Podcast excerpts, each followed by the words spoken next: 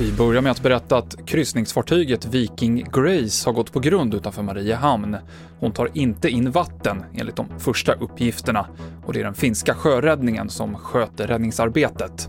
I september så gick Viking Lines fartyg Amorella på grund och flera hundra personer fick evakueras. Mer om vad som sker på tv4.se, där du kan få de senaste uppgifterna om den här grundstötningen. Stefan Löfven ska hålla ett nytt tal till nationen imorgon kväll. I ett pressmeddelande så säger han att han vill uppmana svenska folket att göra sin plikt för att minska smittspridningen. Löfven höll ett liknande tal i början av pandemin. Och det är rörigt i trafiken i Köpenhamn idag. Över 500 traktorer rullar in på gatorna i protest mot den danska regeringens hantering av coronasmittan bland minkar.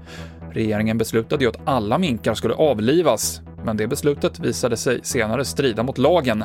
Men då var det redan för sent för många minkuppfödare. TV4-nyheterna med Mikael Klintevall.